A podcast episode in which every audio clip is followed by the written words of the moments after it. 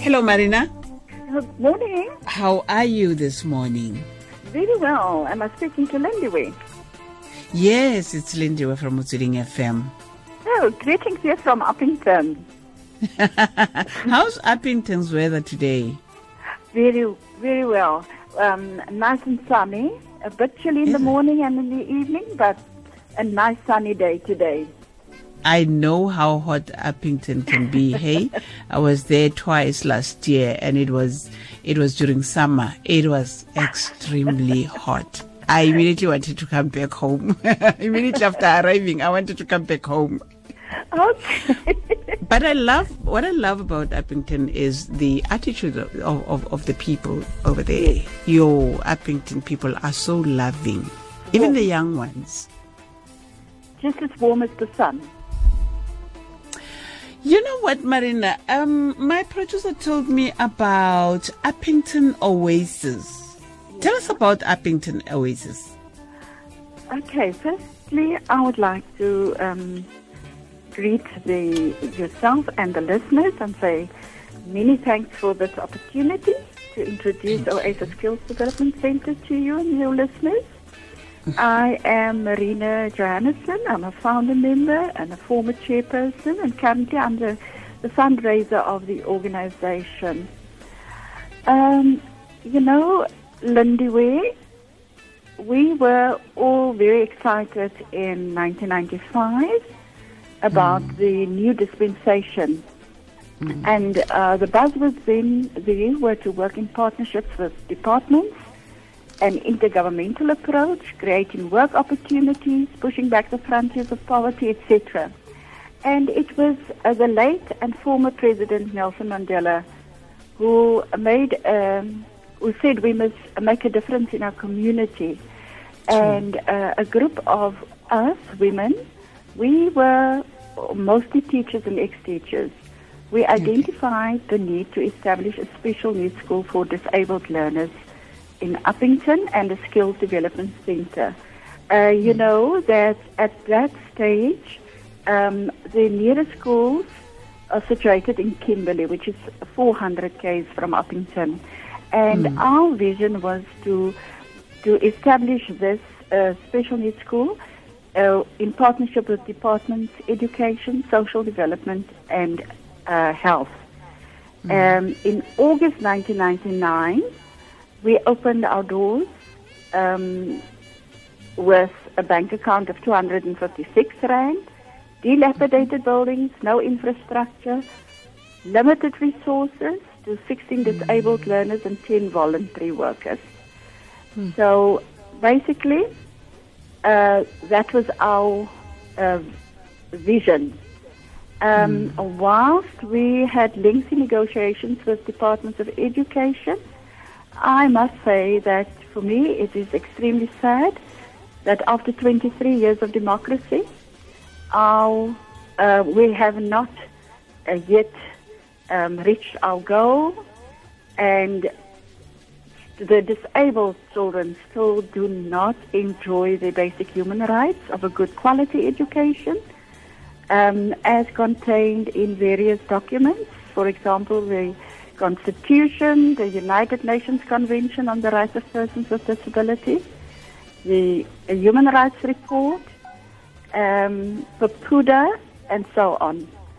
So basically, whilst um, we have been failed um, by this, forming the partnership, um, we just continued as an organization. And I must say, it has been an uphill battle. How do you, Marina? How, how how do you make ends meet? How do you you started? You said you started in 1995. Um, uh, we started, yeah, the organization In 1995. In 1995, and in, In the school? uh, it's actually a center, not a school. Oh, it's a Um, center. uh, in in 1999. Okay. So, So, um, but, but but but tell me about your your your your daily running order. How do you run the the center? oh, um, as I must say, currently all NGOs in South Africa struggle because we don't get the support that is for from the departments. Um, basically, as Oasis, we had to think out of the box. And with the um, support of donors and funders and local businesses, we uh, and then of course we are registered as an NPO and a daycare center with Department Social Development. So we receive uh, a subsidy for the uh, a protective workshop and uh, for the ECD, which uh, amounts to 31,000. And with the uh, donations or funding that we received, we could establish uh, certain projects um, like a bakery, um, needlework, uh, hydroponics, and a paving and cement, manufacturing of cement, um, uh, uh, garden accessories. This was supposed to be to um, sustain the center, to create work opportunities for the disabled who are over 18 and the unemployed. So Tell me, tell me, Marina, what challenges is the institution facing when it comes to young people living with disabilities? Not only young people, but specifically those that living that are living with disabilities. First of all, many of them, you know, we have, um, we call them learners, although they are adults already. But we, we have um, learners who have not been at a mainstream school, although they are 35 years old. And so basically, they have not had any formal schooling as such. And we have to uh, uh, divide them into uh, functionality and not according to age.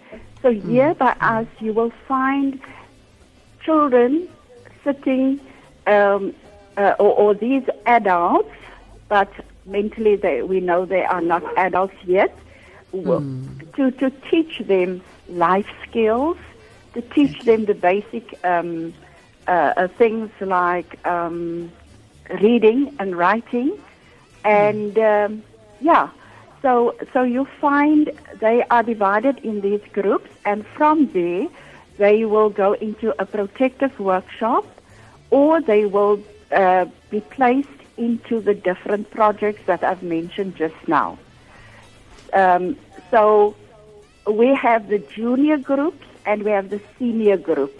And according to their functionality, they are being placed. So what we offer to them will be literacy and numeracy. They love dancing and music, so they are included in um, uh, percussion. Um, we are at the moment negotiating to, to teach them karate as well. And then, of course, they uh, do these um, in-service training. Tell me how how how do you uh, recruit all those learners into your program?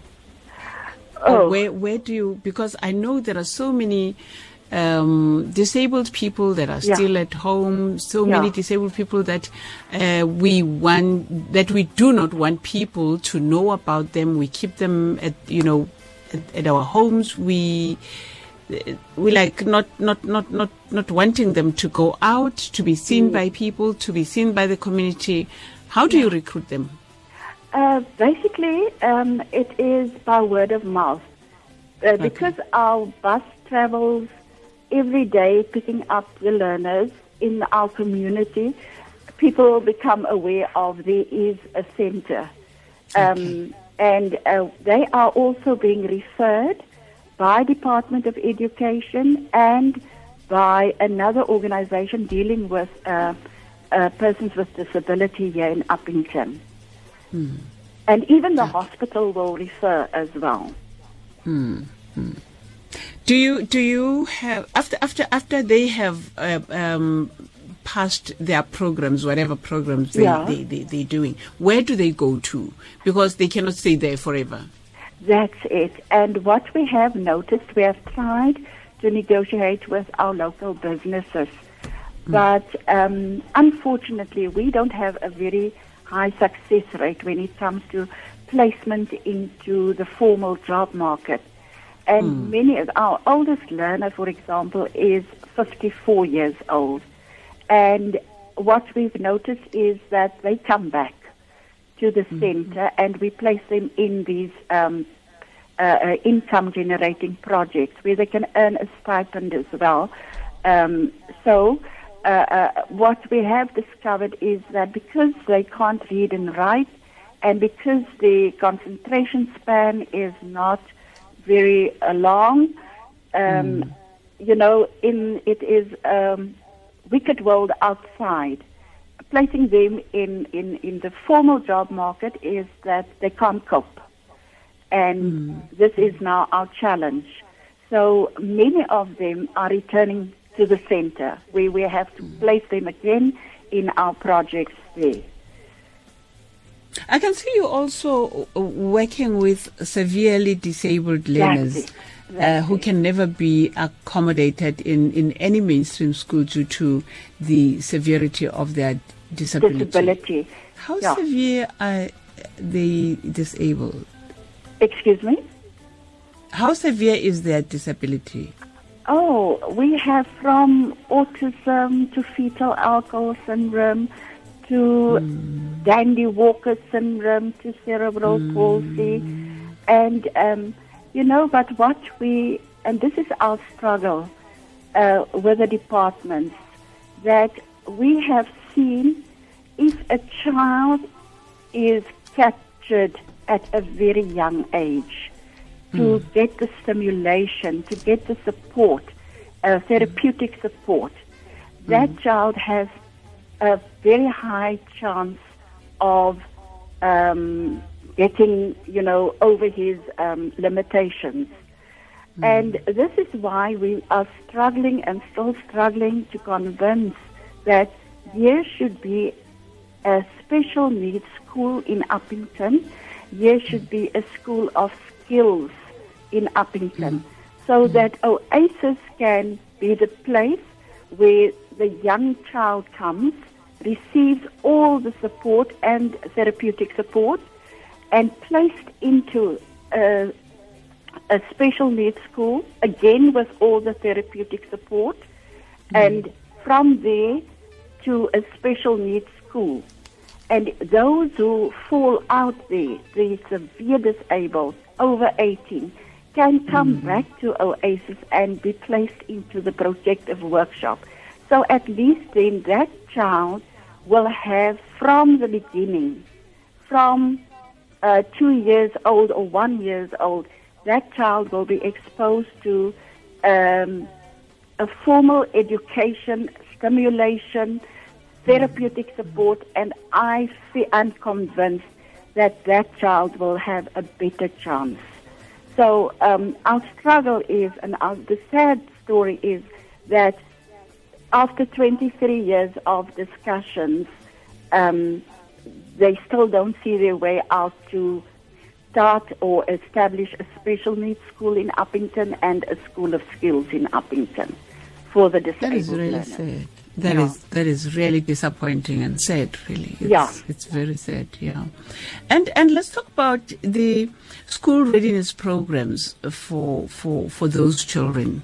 Um, do you do you run school readiness programs for those young ones that can be you know be taken after a year or two or three to a normal uh, mainstream school? Yes, and that is our aim. Um, that the child comes there but at the moment, the children mm. that we have there are children who have been in mainstream schools who couldn't mm. cope. Mm. And they are placed there. But according to um, the law, they should be in a mainstream school because the policy is inclusive education. But we have sent our kids, and the second day they come back because the schools are not accessible. Um, we even have a child, I mean, a child of 11 years who are stressed. And you must see how that child has blossomed because um, stressed at a mainstream school because he couldn't cope there. And um, he was verbally abused there. uh, because of his learning disability. He's not even physical disabled. But um, our schools are overpopulated, and I come from a teaching background, and mm. I know that you are pressed to complete a curriculum. So that mm. child who sits with learning problems or a physical disability or a severe disability, you actually, as a teacher, don't have the coping skills, you don't have the training, and there is no support at our schools because I know that our um, education department only has limited uh, specialists to go to our schools, and the area is very vast. So, if there's no ongoing therapeutic support for those children, to be taken out of a mainstream class and to be worked on one on one, then there's no success with that child.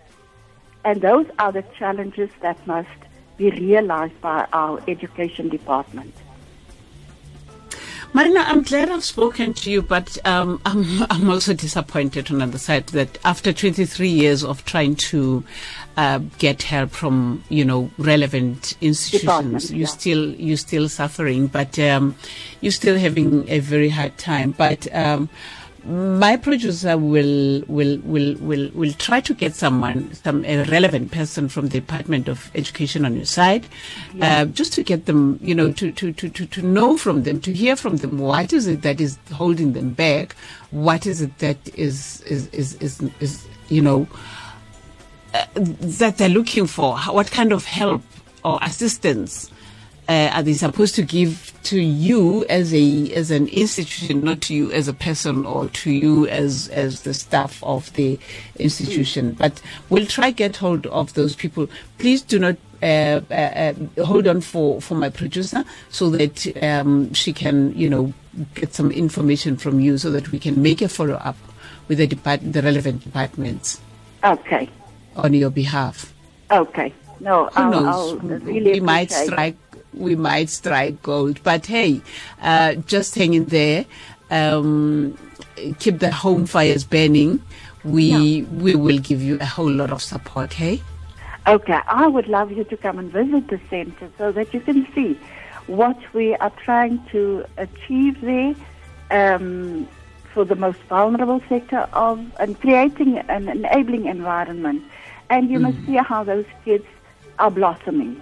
That how excited they are to get to the center every every day. Mm. Though mm. Oasis still also cannot uh, give them what they need. You know, if you go to Johannesburg or uh, Western Cape, you will find the different special needs schools, lots and lots of them that we have mm. visited, and you can see the difference in those mm. kids mm. because they have all the support Mm. And this is what we want in Upington as well for our kids. We don't have mm. 87 disabled children in Upington. We have lots of them. And where are they if they are not at Oasis? Very true. Very true. So, and you know, um, even whatever the department says, it mm. they should establish a special needs school in Upington and a school. I agree with you. I, I, I, fully agree with you. Um, we need to take care of these children of ours. You know, you know when when a person says, uh, "Do voluntary work, do help help go out there and help South Africans, um, yeah. help them to get a better life." Yeah. A you know they must look forward to the next day. But yes, you wake up and give it a try. But if you do not have uh, support from from from from from uh, from government specifically. Yeah. Um, you end up um, using your money. You end up, you know, mm. you end up being discouraged. Some many people, many people are discouraged outside there. But just hang in there. Keep the home fires burning, Marina. we we love you. Thank you so much, so much for your daily um, challenges, facing your daily daily challenges, and tell the staff we're saying thank you, thank you, thank you. Yes, because I just wanted to add, I cannot do it alone. What I'm very proud of is that um, we could change uh, values of our um, former and uh, current executive and staff members and mm volunteers mm because they are the people who are doing the hard work. and the um, very passionate. Um, Oasis actually, uh, the success of it is that when it comes to, it's not a, a, a it's a calling. It's not a work. It is. and yeah, it's a calling. they, um, if we have to say, you know, many times, people, sorry, but we um, we have financial problems here. Are you still willing to continue? Then they will rather settle for that one thousand rand than me. Mm. So mm. that is where I should acknowledge we couldn't do it alone without them, and for that I am very grateful for. Tell them we are so grateful too. Hey, just hold on for my producer, Marina. It, it, it was good talking to you. Hey, Thank you once again for listening to us. have a wonderful day, ma. You too. Bye bye. Bye. FM. Konka bokamoso.